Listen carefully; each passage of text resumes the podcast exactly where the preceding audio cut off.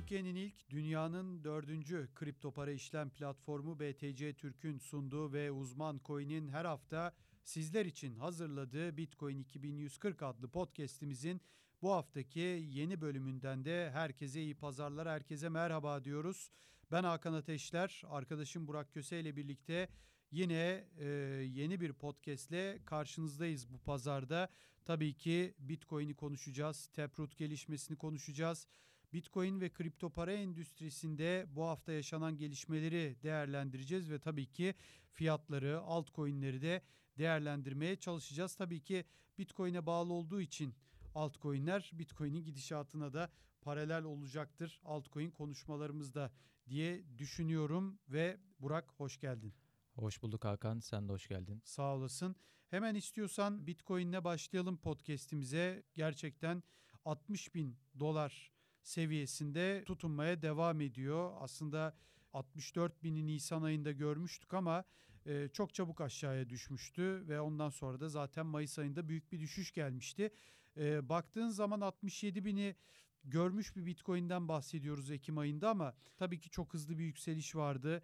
E, Birçok uzman geriye gidişinin e, bir düzeltme hareketinin normal olduğunu söylüyorlar. Yani bu düşüş çok büyük bir düşüş müdür? Bir düzeltme hareketi midir?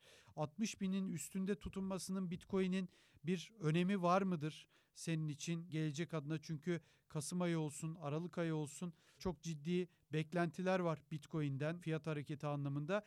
Bunu niye söylüyorum? Yaz aylarında da hep seninle konuştuk. Eylül'den sonra hep e, geçmişte Eylül aylarının da olumsuz geçtiğini ama Eylül'den sonra SEC ve ETF haberleriyle birlikte bir yükseliş olabileceğini sen söylüyordun geçmiş hareketlere bakarak. Açıkçası hep tartıştığımız konu seninle. Bunlara oldu yani harfi harfine açıkçası oldu diyebiliriz bu hareketler. Neler söylemek istiyorsun? Harfi harfine olma durumu devam edecek mi ve fiyat beklentilerin nelerdir? Kısa vadede tabii.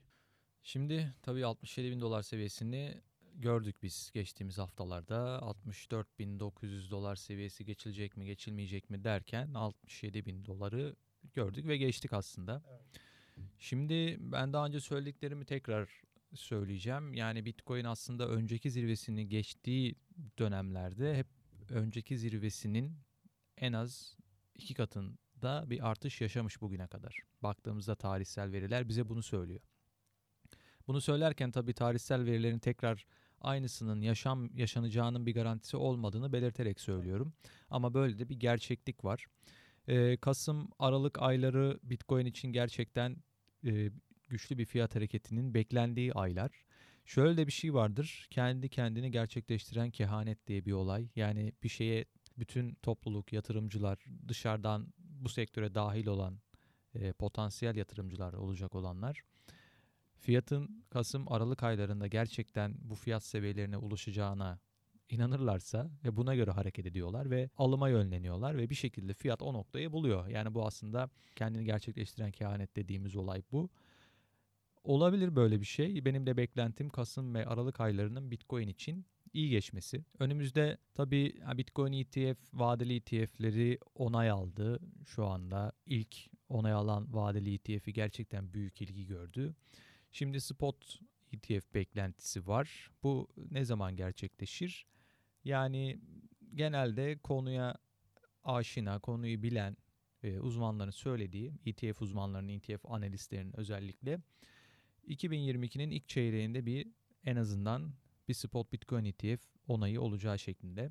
Şimdi spot Bitcoin ETF'i gerçekten büyük ihtiyaç ABD'de yatırımcıların da talep ettiği e, bir durum bu buna dönük baskılar da var zaten SEC'ye spot Bitcoin ETF'ini onaylamasına dair. Hatta birkaç gün önce SEC üyesi e, biri SEC'yi aslında eleştirmişti yani. Hester Pierce. Yani aynen ondan bahsediyorum.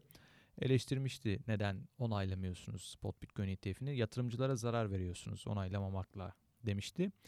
Tabi bunu derken kastettiği şu yani mesela kastettiklerinden biri de şu. E, Grayscale'de bir spot Bitcoin ETF'inin yerine geçebilecek bir alternatif olabilecek bir fon mesela. İşte e, orada prim oranları şu anda Bitcoin'e göre eksi de ama işte daha önce şeydi yani Bitcoin'e baktığımda Bitcoin'den daha primle işlem görüyordu. Bitcoin fiyatına eşit olması gerekirken Bitcoin'den daha yüksek fiyatla işlem görüyordu. Tabi sadece o değil. Onun dışında işte burada yatırımcılara güvenli bir yol sağlayacak. Bit Spot Bitcoin ETF'i e, Bitcoin'e yatırım yapma konusunda. Çünkü sen de biliyorsun çok böyle sektörde gerçekten yatırımcıların bilgisizliğinden faydalanarak e, çok sayıda dolandırıcı olayı meydana geliyor ve gelmeye de devam ediyor. Çeşitli sahte e-maillere inanarak Bitcoin gönderen mi dersin?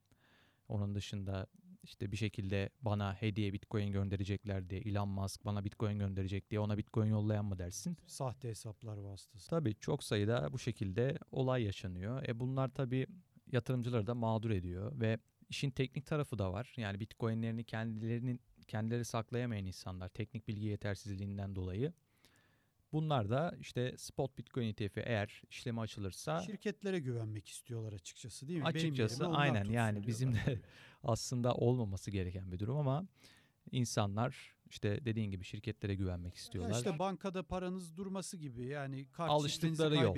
Alıştıkları arıyorsunuz. Yol. Yeni şifre veriyorlar.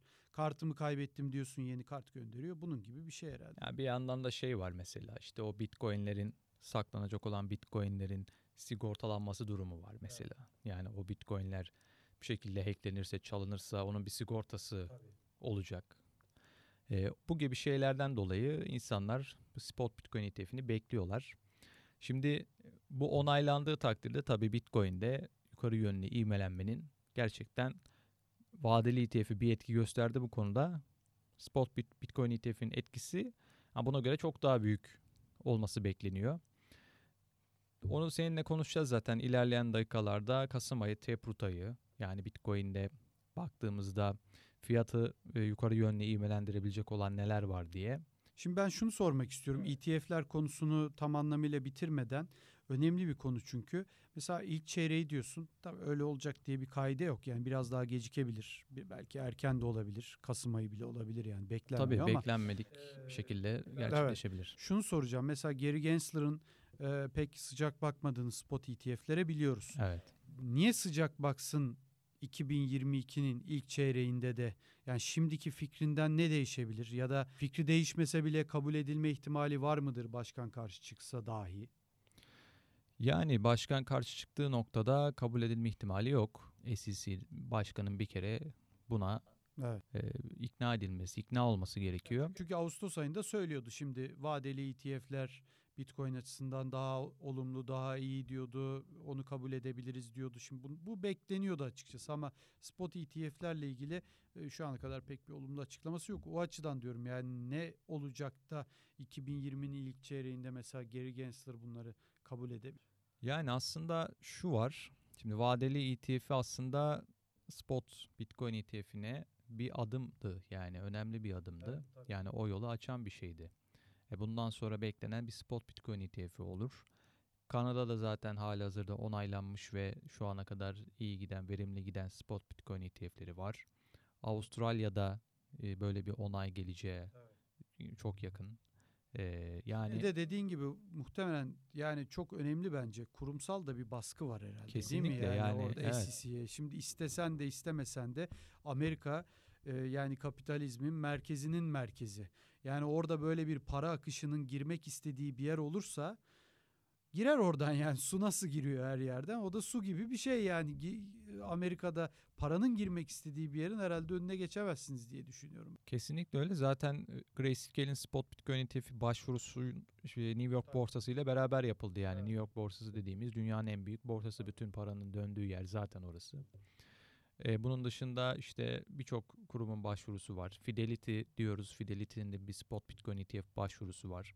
Ve onlar da dünyanın en büyük varlık yönetim şirketlerinden biri. E, bankalar, banka müşterileri Bitcoin talep ediyorlar. İşte bankalardan bu doğrultuda hamleler görüyoruz. Yani sonuç olarak spot Bitcoin ETF'i bankalarında işini kolaylaştıracak. O nedenle yani aslında burada her yönden kurumsal dünyadan bir spot Bitcoin ETF'inin onaylan, onaylanması gerektiğine dair bir baskı olduğunu söyleyebiliriz. E, hemen o zaman şunu sorayım. Mesela dün Uzman Coin'de de bunun haberini hafta içinde özür dilerim yapmıştık. Mesela Michael Saylor'ın sözü vardı. E, Michael Saylor bu zamana kadar aslında biraz da böyle tırnak içinde mahallenin delisi gözüyle bakılan bir insandı. Ama her yerde olduğu gibi başarı gelince daha doğrusu para gelince de sevilmeye başlandı. Yani bunu ben şeye benzetiyorum. Hani bir kulüp başkanı e, sonuçlar kötü gittiğinde hep kötü yöneticidir ama iyi olduğunda hep bütün taraftarlar alkışlar.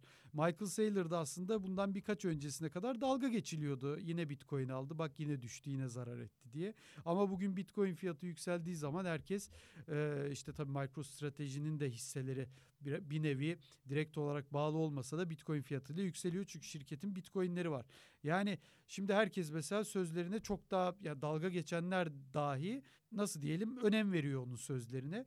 Şunu dedi eğer spot ETF'i hatta spot ETF'i kabul edildiğinde dedi eğer de demedi. Herhalde kabul edileceğini bekliyor. Kabul edildiğinde dedi önce milyarlarca dolar sonra yüz milyarlarca ve sonunda da trilyonlarca dolar para akacak dedi.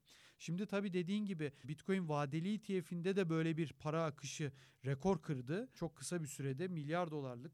E Kanada'yı biliyoruz. Kanada'daki örnekler başarılı gitti. O vadeli ETF'e olan talep yani Bitcoin spot Bitcoin ETF'ine olan talebin ilginin boyutunu gösteriyor aslında. Tabii tabii onu diyecektim. Yani orada böyle geliyorsa Kanada'da çok sorunsuz şekilde bu paralar geliyorsa bir spot ETF Amerika'da kabul edildiğinde herhalde çok ciddi bir yükseliş olacaktır. E, Ekim ayındaki yükselişi de en çok zaten ETF'ler kabul edilmeden önce bile hani haberin yükselişi dedik. ETF kabul edildi. Daha da bu sefer hani haber fiyat bizim analizimizin tersi oldu. E, o haber geldikten sonra da yükselmeye başladı fiyat.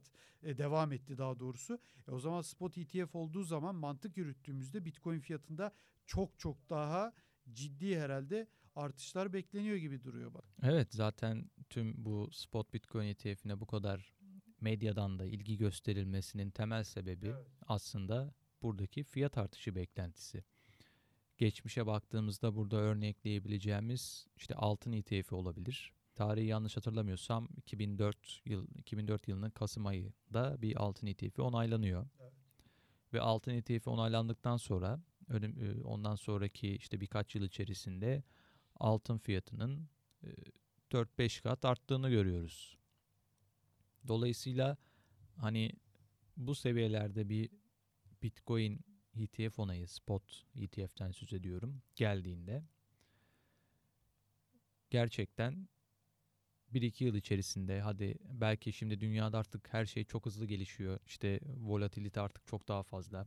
Belki bu süre eskisi gibi olmayacak. Çok daha kısalacak. Atıyorum bir yıl içinde mesela. Yani burada 4 katlık, 5 katlık fiyat artışları mümkün olabilir Bitcoin özelinde. Zaten baktığımızda hani işte çeşitli grafikler, stok akış modeline baktığımızda özellikle burada 288 bin dolara kadar varan fiyat hedefleri var. Bitcoin'de mümkün olabilecek. O yüzden yani spot ETF muhtemelen Bitcoin fiyatında önemli bir kaldıraç etkisi yaratacak. Taproot'u da birazdan konuşacağız. Burada Taproot'un da tabii önemi çok büyük ama ben sana şunu sormak istiyorum. Bu gidişatta mesela geçmiş fiyatlara geri dönülmeyeceğini bu saatten sonra iddia eden de çok ciddi bir kalabalık var. Bu tabii yani kripto para severler diyebiliriz. Yani maksimalistleri diyebiliriz. Bitcoin'ciler daha çok tabii. Şimdi şöyle sormak istiyorum. Yani çok ciddi bir enflasyon tehlikesi var dünyada. Bu Türkiye'de de var. Amerika'da da tartışılıyor. Afrika'da da Güney Amerika bölgesinde de tartışılıyor. Şimdi e, bu gidişata baktığımızda devletlerin işte bu hep konuştuğumuz aslında kaç yani e, onlarca podcast'te konuştuğumuz konulardan biriydi. Bu para basma politikası devam ettiği sürece Bitcoin'in fiyatının yükselmemesi imkansız diyordu ve gerçekten geçen sene Aralık ayında müthiş bir yükseliş başladı. Bu yükseliş de devam edecek gibi gözüküyor. Şimdi bütün bunlara baktığımızda sen bir daha böyle mesela 15 bin, 10 bin, 20 bin hatta belki 30-40 binli seviyelerin bir daha ge- gelmeyeceğini düşünüyor musun? Hani çünkü biraz önce şunu dedin ya hani ETF'ler 3 katı 4 katı arttırabilir diye. O noktadan Arttırır. sonra mı diyorsun? Efendim? O noktadan sonra mı? O noktadan sonra şimdi bir süre sonra şu söyleniyor hep. E, biz bunu ben hatta yine seninle gittiğimiz e, İstanbul'daki bir konferansta e, yine Uzman Coin'in sponsor olduğu bir konferansta biz bunu Kerem Tibu'a da sor, sormuştuk. Ta 3 sene önceydi. Haliç Kongre Merkezi'nde hatırlarsın. O da şunu demişti. Yani 1 milyon dolar bile olabilir Bitcoin ama 1 milyon dolar olduğu zaman 1 milyon doların bugünkü alım gücü o zaman olmayabilir deniyordu ki 3 sene önceki 1 milyon dolarla şimdiki de aynı değildir. Belki bundan 4 sene sonraki 1 milyon dolar çok daha düşük olacak. Yani o anlamda soruyorum. Şimdi doların değeri azalıyor. E, doların değeri azaldığı zaman diğer ülkelerdeki dolara bağlı endeksli yani dolaylı yoldan endeksi diyelim birebir olmasa bile paraların da değeri azalıyor. E, Bitcoin'in değeri artıyor. Acaba bir daha hani biz o e, o efsane söz vardır yani dolar karşılığına bakmayın Bitcoin'in. Hani Bitcoin sayınızı arttırmaya bakın. Yani o dönemlerin başlangıcında mıyız sence? Bir daha böyle 20 binli 30 binli dolarları görmeyebilir miyiz? Yani şu noktadan konuşacak olursam e, eğer bu seviyelerden konuşuyorsak bence görebiliriz 30 bin dolar seviyelerini hala. Ben ileriki dönemde artık iyice adaptasyonun e, arttığı işte bugün El Salvador var. Başka ülkelerin sırada olduğu belirtiliyor. Belki legal para, yasal para olmasa bile ülkeler bunu kabul edecek diyecek. Yasal para değil ama işte siz Bitcoin'i fiyat paraya çevirip ödemeleri yapabilirsiniz falan filan. Hani yavaş yavaş entegre olacak hayat. Ama o açıdan soruyorum. Şimdi bunların hiçbiri Şöyle yoktu bu düşüşlerde. Yani dünyada öngörülemeyecek bir şey olmadığı sürece mümkün olmayabilir dediğin seviyeler. ETF'den sonra, spot'tan sonra. Ha belki dediğin gibi 250'lere 300'lere çıkarsa tekrardan bir 60'lara 70'lere düşebilir ki bu çok büyük bir düşüşten bahsediyoruz oransal olarak. Belki bugün 60 bin yine fiyat olarak yüksek bir sürü insan ama 300'den 60'a 200'den 60'a düşmesi bambaşka bir e, senaryoyu konuşturur ama yani 20 binler 10 binler ETF'ler kabul edilecek spot ETF'ler Ben de çok sanmıyorum o Evet, seviyeyi. evet. E, o spot ETF onayından sonraki süreci süreçten bahsediyorum. Şöyle bir örnek verebilirim. Mesela öngörülemeyecek bir şey olur ama o zaman tabii ki o seviyeleri görebiliriz. Mesela altın ETF'inde tamam altın onaylandı. İşte binlerce yıldır belki kullanılan bir varlık. E, ama dünya 2008 krizi sırasında altında da sert bir düşüş oldu. Yani yanılmıyorsam bayağı bir sert bir düşüş oldu o, o günlerde. Yani öyle bir şey meydana gelir. Yine düşer. İklimle ilgili bir şeyler meydana gelirse eğer beklenenden daha erken böyle krizler tabii ki dünyada büyük sarsıntı yaratır, çalkantı yaratır ve bu da sonuç olarak Bitcoin fiyatına yansır illaki. Taproot'a geçelim istiyorsan yavaş yavaş. Ee, Asıl konumuz oydu. Şimdi hemen şunu soracağım sana. Taproot neden önemli? Tekrardan bir özet geçecek olursan e, ne katacak Bitcoin'e? Çok mu önemli? Yani herkes bu aralar tabii fiyat beklentisi içinde. Ee, sürekli sana da geliyordur, bana da geliyor bu aralar. İşte Shiba artacak mı? Şu olacak mı, bu olacak mı? İnsanlara tabii Bitcoin dediğin zaman sıkılıyorlar. E, iki katı olsa bile 100 bini geçmiş oluyor. Yani ters söyleyeyim hatta 100 bini geçmiş olsa bile sadece iki kat getiri e, sağlıyor bize. Bize böyle sıfır silecek para e, lazım denilen günlerdeyiz. Bugünlerde insanlar dolayısıyla böyle Taproot gibi güncellemelere böyle bir yan gözle bakıyorlar. Çok önemsemiyorlar. Ama tabii bütün o insanların o hedeflediği getiriler Bitcoin'e bağlı. Bitcoin bugün düşsün ne Shiba kalır ortada ne Ali kalır ne Veli kalır darmadağın olur gider piyasa. Tabii. Dolayısıyla o önemsenmeyen Bitcoin'in önemli güncellemelerinden bir tanesi Taproot. E, neler söylemek istersin? Ne beklemeliyiz ve tabii Kasım ayı da Taproot ayı açıkçası o Yani, yüzden konuşuyor zaten. evet Onu yani da bir hafta belirtelim. sonra devreye girecek muhtemelen. Yani blok numarası 709.632 gibi bir blokta Taproot'u biz Bitcoin'de göreceğiz. Taproot Bitcoin'de aslında Segwit'ten bu yana yapılacak olan en büyük güncelleme olacak. Evet. Segwit 2017'de görmüştük Ağustos ayında. Segwit'i biz e, orada tabii çok büyük tartışmalar döndü. İşte Segwit'e karşı çıkanlar, işte farklı farklı çok sesler yükseldi o dönem. Hatta Bitcoin Cash ortaya çıktı. Bitcoin Cash de şöyle ortaya çıktı. Blokları artırmamız gerekiyor Bitcoin'de. Blok boyutunu 1 MB'dan 4 MB'a çıkaralım. Böylece daha çok işlem Bitcoin'de yapılabilsin. Bu kamp Bitcoin Cash'i oluşturdu. Ve Bitcoin Cash ortaya çıktı o saatten sonra.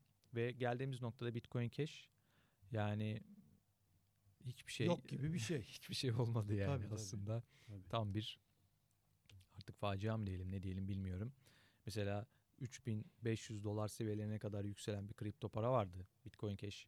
O seviyeleri görmüşken şu anda 600 dolar ve birkaç gün önce de 5000'i de gördü canım 2017 yani 5000 hatırlıyorum ben. olabilir, olabilir. Yani Coinbase'in istele, istediği dönem görmüş olabilir. Onu ben çok net hatırlamıyorum. Şu anda 600 dolarlardan işlem görüyor ve birkaç gün önce de yani bir skandal bir olay ortaya çıktı. Yine, Evet. yine Litecoin Walmart olayına benzer tamamen aynı olay ama bu sefer şirketin resmi internet sitesinde yayınlanan bir basın bülteni vardı yani. Bu da çok ilginç gerçekten. O siteyi bir şekilde hacklemişler ve basın bültenini oraya yerleştirmişler o zaman. Ve Litecoin'de olduğu gibi çünkü Litecoin de artık geçmişte kalmış bir para. Tabii, artık tabii. üzerine yani koyamayan, geliştiricilerin üzerine artık bir şey koyamadıkları bir para ve uzun bir sürede zirve seviyesinin altında işlem gören bir para birimi. Litecoin'de de böyle bir şey olması ve ardından Bitcoin Cash de artık unutulmaya yüz tutulan bir kripto para. Onda da böyle bir şeyin meydana gelmesi enteresan. Yani burada son bir ne derler exit scam denemesi mi artık bilmiyorum. Son bir çıkış mı yapıyorlar bu paralardan. Bunlar da mümkün olabilir. Burada şey de aklıma geliyor. Mesela yani şirketin Litecoin şey Bitcoin Cash kabul edeceğiz diye sitesinde açıklama yayınlanan şirketin belki de işte bir şekilde işin içinde olup sonuçta Lite Bitcoin Cash'te long pozisyon açıp buradan Olabilir, ciddi karlar elde edebilirsin. Ve Yani sonra sözcüsü diyor dolandırıcı bu açıklamayı yapanlar diyor. Zaten açıklama senin resmi sitenden yani o da ilginç. evet Yani evet, hacklendik falan da demiyor adam sözcüsü. evet. Aynen dediğin Yani gibi. Çok garip bir durum. Tabii sonra hem long'da hem short'ta da para kazanmış Evet, olabilirler. tabii. Yani sonuçta buna çok da bir soruşturma açılır mı bilmiyorum. E, bu çok regülasyona tabi olmayan bir piyasa Tabii, olduğu tabii. için sonuçta bunu hisse senetlerinde yapsan çok ağır yaptırımları Tabii var ki, ama tabii ki. kripto paralara gelince yok. Ve Litecoin'de de Walmart olayında da zaten Litecoin'in resmi hesabından bu açıklamanın paylaşılmış olması da enteresan. Belki orada da bir olay, o şekilde bir olay dönmüş olabilir. Özetle çok dağıttım konuyu. Taproot'a gelecek olursak 4 sene sonra en büyük güncelleme. Şimdi Taproot'un aslında kelime anlamına baktığımızda kazık kök diye bir Türkçe karşılığı var. Kazık kök nedir? Burada havuçtan örnek verecek olursak havuç dediğimiz şey aslında bizim bir kök. Yani toprağın altında büyüyen bir ana kök. Taproot özellikle gizliliği artıracak bir belli bir miktar. Güvenliği artıracak aynı zamanda ve kapasiteyi de artıracak Bitcoin'de. Blokların kapasitesini de artıracak. Şimdi bunu nasıl yapacak? Bir, e, Taproot'la birlikte gelecek olan Schnorr imza algoritması var. Ve bu algoritma Bitcoin'de e, multisignature dediğimiz çoklu imzaları aslında tek bir imzada toplayarak işlemlerin böyle etrafa bloklara işte e, saçılmış olan bu işlemleri bir araya toplayarak blokta aslında daha fazla yer açılmasını sağlayacak bir nevi. Bu dediğim gibi Bitcoin'de kapasiteyi artıracak bir gelişme olacak. Bitcoin'de bloklara daha fazla işlem sığdırabilmek mümkün olacak. Yani böylece belki işte akıllı sözleşme esnekliği de Taproot'la beraber Bitcoin'e kazandırılacak. Tabii bu hemen olacak bir şey değil. Buna bir zemin Evet, hazırlanıyor. Evet. Taproot'la birlikte baktığımızda. Ama fiyat noktasında Taproot'un aslında bir etkisi olmayacak. Bitcoin'in fiyat politikası belli. Ha, şu olabilir. Böyle bir güncelleme FOMO yaratabilir. İşte Neden şekilde- FOMO yaratsın böyle bir güncelleme? Yani mesela neden akın etsin insanlar? Yani Bitcoin'de sonuçta kapasite artmış olacak Evet. bir şekilde. Blokların kapasitesi büyüyecek. Bu Bitcoin'in teknolojik anlamda Gelişmesi evrilmesi, demek tabii. gelişmesi anlamına Doğru. geliyor. Bu dolaylı yoldan fiyatı etkileyebilir elbette. Ama Taproot'un Bitcoin'in kendi fiyat politikasına herhangi bir müdahalesi yok. Ama ben tabii Taproot'un bir etki yaratacağını bekliyorum fiyatta. Bu etki dediğim gibi işte Bitcoin'in teknolojisindeki ilerlemeden dolayı göreceğiz. Burada mesela Segwit sürecinde tamam yani bir ilgisi var mı tamamen rastlantı mı bilmiyorum. Ama 2017 Ağustos'ta Segwit devreye girdi ve o süreden sonra Bitcoin fiyatında Aralık ayında Aralık ayının sonuna kadar devam eden, ortalarına kadar devam eden çok ciddi bir fiyat rallisi gördük. Tabii tabii.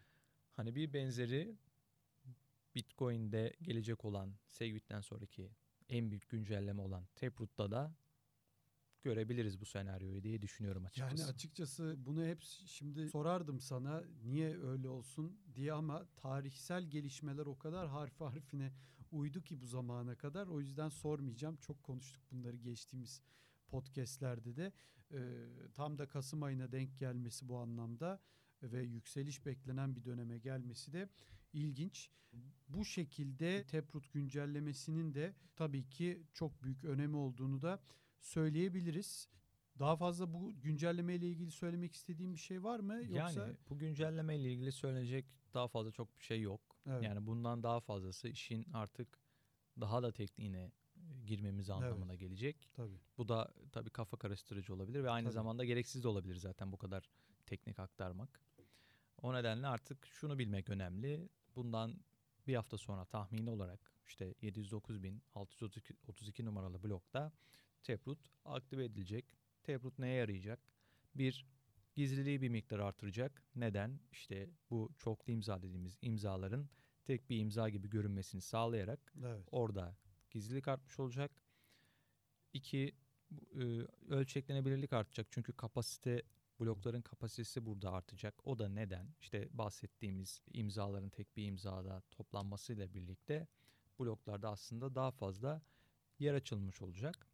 Bunları bilmek ve aynı zamanda Taproot'un Bitcoin'de akıllı sözleşmeyle zemin hazırlayacak bir güncelleme olmasını da bilmek önemli. Tabii. Bunun dışında Taproot ile ilgili söylenecek aslında çok fazla bir şey yok ve Taproot aslında yıllardır üzerinde düşünülen ve önerilen bir güncelleme. Yaklaşık 4-5 yıldır e, Taproot'un Bitcoin'de uygulanmak istendiğini biliyoruz. Geldiğimiz noktada yeni bir halving döngüsünden sonra Taproot'un Bitcoin'de uygulandığını göreceğiz. Evet. Şimdi son olarak programın da sonuna geldik ama fikrini merak ediyorum. E, Biliyorum ama dinleyicilerimiz ve izleyicilerimiz de duysunlar. Bu fenomen coinlerle ilgili gerçekten Türkiye'de bir çılgınlık var. Bunu konuşmazsak da olmaz açıkçası. Yani cuma akşamları yaptığımız YouTube yayınlarımızda da biz bunu Celil Öztürk'le de konuşuyoruz. Senin de fikrini merak ediyorum. Türkiye'de tam bir çılgınlık var. Dünyada da var aslında da Türkiye'de başka coinler de var ve çok ciddi bir dezenformasyon durumu da söz konusu. Yani bilgi yanlışlığı, eksik bilgi, yanlış bilgi yani her türlü söyleyebileceğimiz yatırımcılar açısından olumsuz durumlarda söz konusu. Ne söylemek istiyorsun? Ya buna Shiba'yı katabilirsin, Dogecoin diyebilirsin. işte bunun hamster'ı var, osu var, busu var. Yani bu bol sıfırlı, Dogecoin bol sıfırlı değil ama yani onunla başladı bütün bu furya. E, neler söylemek istersin? Yani demin de Taproot'u konuşmadan önce de söyledim. Yani bu sıfır silme diye bir durum söz konusu. Yani ev almak isteyen, araba almak isteyen tamam keşke herkesin hayalleri bu kadar çabuk gerçekleşse ama sen ne düşünüyorsun? Bu anlamda yani geçtiğimiz programlarda da söylediğin için soruyorum. Senin yatırımın var mı? Yani beklentin nedir? Nasıl bakılmalı bu coinlere? Ne düşünüyorsun? Yani benim tabii çok böyle kaybolsa da üzülmeyeceğim miktarlarda Evet. Bahsettiğin bu meme tokenlara aldıklarım var aralarında. Zaten bunlar bilinen şeyler. İşte baktığımızda neyi biliyoruz? Shiba Inu, Dogecoin'den falan bahsediyoruz. Bunların dışında yok açıkçası. Bu ikisinde var. Neden var? Bunları biraz daha diğerlerine göre meşru görüyorum. Çünkü mesela işte Shiba Inu dediğimiz son zamanlarda özellikle son bir yılda çok ciddi bir fiyat rallisi yapmış olan meme token yani bugün Coinbase'de listeleniyor. İşte bir borsada listelenmesi güven veriyor mu? Tek- Kesinlikle. teknik açıdan da ama mesela. Kesinlikle güven veriyor. Çünkü borsalar bunu listelerken ve güvenilir borsalardan söz ediyorum. Bunu inceliyorlar. Tabii. Kontratını inceliyorlar. Denetlemeden geçiriyorlar. Birçok kriterleri var onların. Yani bu kriterlerden geçtikten sonra listeleniyor bu kripto paralar. Ama bu tarz borsalarda listelenmeyen diğer meme tokenlar aslında hiçbir amaca hizmet etmeyen ama işte sadece internet şakası olarak ortaya çıkmış Evet. bu tokenlar kesinlikle riskli. Yani mesela Türkiye'de de dünyada da tabii senin dediğin gibi büyük ilgi var. Ama Türkiye'de ilginin boyutu gerçekten çok ilginç. Türkler tabii sosyal medyayı çok iyi kullanan bir toplum. Çok Tabii, aktif kullanan bir tabii. toplum. Ve diğer teknolojileri de tamamen hızlı bir şekilde adapte olabilen bir toplum.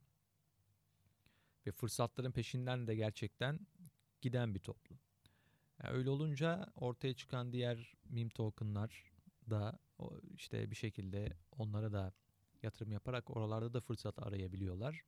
Ama bunların genelde çok büyük çoğunluğu bir hüsranla sonuçlanıyor.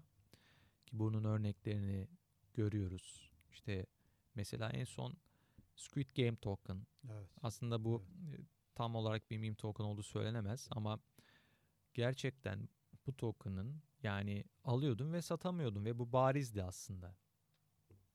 Uyarılar vardı bununla ilgili. Mesela CoinMarketCap'e girdiğinizde Squid'in sayfasında kocaman bir uyarı karşılıyordu sizi. İşte bu token'ın PancakeSwap'ta satılamadığına yönelik evet. birçok kullanıcıdan biz bildirim aldık. Bu böyle coin'in o token'ın e, kontratına yerleştirilmiş bir kural, kanun herhalde değil mi? Tabii muhtemelen o yolla yapılan evet. bir şey. Ve insanlar yani birçoğu da bunu bilerek aldılar bunu aslında. Evet. Yani orada çok ciddi bir manipülasyon döndü ve yüzde 35 binli ifade edilen rakamlarla burada bir yükseliş yaşandı. Ve ilginçtir. Biz bunu herhangi bir şekilde haber yapmaktan uzak durduk. Hiçbir şekilde işte bunun %35 bin yükseldiği şeklinde bir haber yapmadık. Yapabilirdik. Tabii. Ama olaya şüpheyle yaklaştık. Ama baktığımızda CNBC, işte Bloomberg, onun dışında BBC yani tamamen bu coin'in reklamını yaparcasına işte yüzde bilmem kaç bin arttığına dair haberler yaptılar. Ve gelinen noktada tabii büyük bir hüsranla sonuçlanan durum var ortada. İşte yüzde 99. Tam bir dolandırıcılık herhalde Tabii değil tam mi? bir dolandırıcılık ve akıllı da bir dolandırıcılık evet. aslında. Yani orada token'ın satılmamasını sağlayarak fiyatın %35 bin arttığını gösterdiler ve büyük yatırımcı çektiler. Yani Boğaz Köprüsü'nü satmak gibi hani o filmde var ya hani İlyas Salman'ın yani Mehmet Ali Erbil satıyor evet. Sülün Osman'dı değil yani, mi? Yani onun gibi bir şey ya gerçekten satıyorsa diye vermiş insan. Ve e, yanılmıyorsam en son böyle yükselişin zirve noktalarına falan baktığımızda 50 bin adres almıştı evet. bu token'ı. Yani 50 bin kişiden söz edebiliriz evet, yani evet. burada mağdur olan. Ve arkasındakiler de her kimse milyonlarca dolarla beraber ortadan kayboldular. kayboldular. Bütün işlemler merkeziyetsiz platformda gerçekleşti. Ee, burada insanların izini sürmek de bu nedenle biraz zor. Ama Binance bununla ilgili bir soruşturma yürüteceğini söyledi. Bakalım umarım bu... Ki bir zorunluluğu da yok yani bunu yapmakla. Ilgili. Yani sonuç olarak Tanımaz yok. Etmez. Aynen. Tabii. Yani merkeziyetsiz bir platformda Tabii. yapılan bir işlem. Herhangi bir şekilde bu şirketin kontrolünde olmayan bir şey. Ama soruşturacaklarını söylediler. Yani umarım burada artık her kimse bunun arkasındaki ortaya çıkar. Yani son dönemde öyle dolandırıcılık yapıp da yakalanıp yani polis gibi böyle evine baskın yapıp yakalanmak değil de hani kimlikleri ortaya çıkıp geri gönderen hackerlar da var açıkçası onu belirtelim. Var, evet, Belki özellikle. bu da yani öyle bir durum olursa bulunursa gönderebilirler. Tabii olabilir dediğin olabilir. gibi. Aynen ee, kesinlikle olabilir. Evet. Yani buradaki dezenformasyon konusu da çok benim canımı sıkıyor. Yani Twitter'da özellikle işte bu bazı fenomen dediğimiz tırnak içindeki ben yani ona da çok şaşırıyorum ama tabii kuralın ve kanunun olmadığı bir evrendeyiz burada. İşte bu hamster denen coin'in mesela işte Jack Dorsey destek veriyor falan. Ya bakıyorum şimdi Jack Dorsey'nin sen söylüyorsun ya adamın işi gücü yok. Jack Dorsey destek mi verecek buna diye. Yani evet. onun tek aldığı coin var. Bitcoin. Yani başka bir destek verdiği coin yok. Adam Ethereum'la bile dalga geçiyor ve buna rağmen bakıyorum işte birçok sosyal platformda Twitter'da dahil olmak üzere Jack Dorsey'nin destek verdi. Öbür tarafta diyor ki onu yazmaktan çekinen diyor ki Jack Dorsey'nin arada sırada bahsettiği ya arada sırada bahsetse ne olur bahsetmese ne olur ki bahsetmiyor adam zaten. Ve insanlar buna inanıyor. Bu çok üzüyor gerçekten ve bunu söyleyen kişilerin de uzman, fenomen artık ne diyorsanız diye geçinmesi ve bundan medet umması. Ya bunu o çok takipçili hesaplarında paylaşıp ondan sonra bundan medet umma, umacak hale gelmeleri de bilmiyorum bana çok şey geliyor. Yani düşük insan profili olmak böyle bir şey Evet. herhalde. Cebinde paran da Yani, olsa aynen. hala yani bir e, coin üzerinden yalan söyleyip o insanların hepsinin bildiğini düşünüyorum o coinlerin ne olup olmadığını. Hala bunun üzerinden yani 3-5 tane garibanın 3-5 kuruşluk parası üzerinden bir şeyler elde etmeye çalışıyorlar. Bana da yani bu mikrofondan tepki göstermek de istedim açıkçası. Çok iyi bir şey değil yani insanları kandırmak Tabii. yani. yani Ki projenin içinde olan biri de değilsin yani. evet. Yani hadi kesinlikle içinde olan dolandırıcı yapsa adam dolandırıcı işte Squid Game gibi. Tamam Evet. hadi. Eyvallah da yani neyin hala Jack Dorsey'nin arada sırada bahsettiği neyin dolambaçlı yoluna giriyorsun hala neyi saklayıp da yani çok ilginç geliyor yani bana. Jack Dorsey Elon Musk gibi bir karakter değil. Tabii. Yani bunu bu yıla kadar, bugünlere kadar gördük zaten. Tabii. Yani Jack Dorsey'in işte böyle çok espri yapan, çok böyle Tabii. ne derler trollük yapan bir tip olmadığını ve bundan çok uzak olduğunu bütün hem tweetlerinde Evet. hem videolarında, röportajlarında görüyoruz.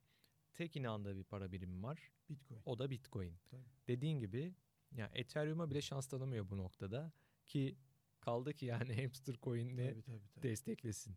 Gerçekten o inanılmaz bir yalan.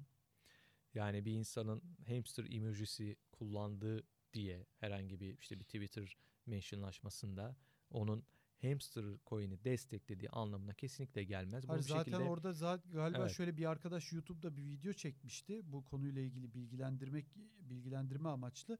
Şunu dedi. Zaten Jack Dorsey o tweet'i attığında hani diyorlar ya Jack Dorsey hamster coin tweet'i attı. evet Yokmuş hamster coin. Sonra çıkmış. doğru. Yani e, şundan dolayı olmayan bir coin biri soruyor Jack Dorsey'e diyor ki e, sence Dogecoin Ethereum killer olabilir mi diyor. Yani Ethereum o da nasıl bir soruysa artık ama yani e, o da dalga geçiyor. Diyor ki yok yok ne Dogecoin'i hamster coin bile Ethereum'u e, sonunu getirir diyor. Bunun üzerinden birçok insan işte bakın hamster coin'i şilledi, destek Evet. verdi, Ya bahsetti. orada yani çok- inanılmaz ya inanılmaz. orada Ya, çok- inanamayacağımız her Evet. şey oluyor. Ve şundan bahsetmek istiyorum. Bu arada biz de çok şaşırdık. Yani El Salvador Devlet Başkanı Nayib Bukele bizim Evet, haftalık olarak yayınladığımız bültenin son haftadaki bültenin videosunu paylaştı kendi Twitter hesabından. Yani çok da etkileşim aldı aslında işte Tabii. 500 600 küsür RT 4000'e yakın fal falan. Mutlu olduk açıkçası. İlginç yani gerçekten. Ben sana şeyi soracağım. Samson Mav doğru, videosunu. doğru, tabii. yani onu da geçen Hiç hafta bahsetmedik ya. aynen Olacak geçen haftaki podcast e, Evet. sen zaten sen yapmıştın o podcast'i. Nasıl geçti? İşte Evet. özetleyebilir misin biraz Samson Mav'ın Yani aslında açıkçası çok da güzel geçti. Evet. Çok yani eskiden şaşırıyordum bu tür olaylara. Şimdi artık şaşırmıyorum ama yani bu bu bu kadar işleri başarmış insanların bu kadar mütevazı olması yani kıyafetinden konuşmasına işte davranışından senin uzun soluklu İngilizce sorularını dinlemesine sabırla kadar programı da çok kısa tutmadık yani uzun da bir program oldu aslında. E, Belki daha kısa bekliyordu ama yani buraya geldi işte yukarıda e, Eminönü'nde ofisimizde çay kahve ikram ettik, muhabbet ettik. İşte İstanbul'la ilgili sorular sordu. O soruları da biz yani uzun uzun ben biliyorsun biraz tarih merakım da olduğu için hani böyle uzata uzata anlattım onu da bulmuşken. Ama hiç yani böyle bir sıkılmadan usanmadan bizi dinledi. Bir gece önce zaten talep etmiştik hemen geldi. E, Podcast'te de açıkçası her sorumuza çok basit cevaplar verdi. NFT'lerden girdik, fenomen coinlere, meme coinlere kadar gittik. Çok basit, çok aslında hep duyduğumuz sözlerle yani açıkçası beni şaşırttı böyle yani çok ba- basitçe ve çok beklediğimiz de cevapları verdiği bir podcast oldu. Bu anlamda ben hani onunla e, podcast yapmak da e, beni ayrıca çok e, memnun etti. Yani her anlamda bizi değerli hissettirdi. Yani bunu her davranışıyla gösterdi açıkçası. Ne dediysek de yaptı. Yani biraz daha uzatabilir miyiz podcast dedik uzattı. Hani bu anlamda gerçekten çok iyi bir tecrübeydi benim için öyle söyleyebilirim. ama bana her hafta sorduğun soruyu sormayı unutmuşsun. Evet, evet. Yani ben e, deşifresini yaparken podcast'in birçok başka soru da aklıma geldi. Keşke bunu da sorsaydım dedim ama o En anda evet. En azından fiyatla ilgili herhangi Tabii. bir şey sormamış olsan da Evet. şey işte hiper e, bitcoinizasyon beklediğini falan Evet. söyledi muhtemelen. Tabii, Zaten tabii, tabii buradan da söyledim. fiyatla ilgili nasıl bir öngörüsü olduğunu az Tabii. çok çıkarabiliriz. Yani açıkçası çok daha fazla diyorum ya sorular deşifreyi yaparken aklıma geldi ama şöyle bir şey var. Yani çok da hazırlanamadık podcast'te. Neden dersen biz zannediyorum perşembe günü yaptık podcast'i. Bir gün önce ulaşıp o Türkiye'deydi. Bir gün önce ulaşıp e, hemen geldi. Yani dolayısıyla e, o heyecanla bir anda bazen ne soracağını da unutabiliyorsun. Çok da böyle konuları sıra sıra yapmaktan çok spontane yapmak zorunda kaldık ama deşifresini yaparken, tercümesini yaparken bazı sorular ah keşke bunu da sorsaydım dediğim oldu. Yani şu an gelse mesela çok daha başka bir podcast yapardım onunla ama bence çok güzel oldu. Türkiye'de de bir ilk oldu. Güzel iş oldu diye düşünüyorum açıkçası. Evet evet kesinlikle ben de zaten podcast hatta bir kere dinledim iki kere dinledim üzerinden geçtim falan. Gerçekten çok tatmin edici cevaplar verdiğini gördüm ve ben de bütün podcast'i dinlerken keyif aldım ve hala dinlememiş olanlar varsa bunu Evet. hem Türkçe seslendirmeyle hem de İngilizce olarak Spotify'dan dinleyebilirler ve video olarak da YouTube'dan Türkçe altyazılı bir şekilde de izleyebilirsiniz. Tabii. Evet Türkiye'nin ilk dünyanın da dördüncü kripto para işlem platformu olan BTC Türk'ün sunduğu ve uzman coin'in her hafta sizler için hazırladığı Bitcoin 2140 adlı podcast'imizi bu hafta da sonlandırıyoruz. Gelecek hafta, gelecek pazar tekrardan görüşmek dileğiyle hoşçakalın.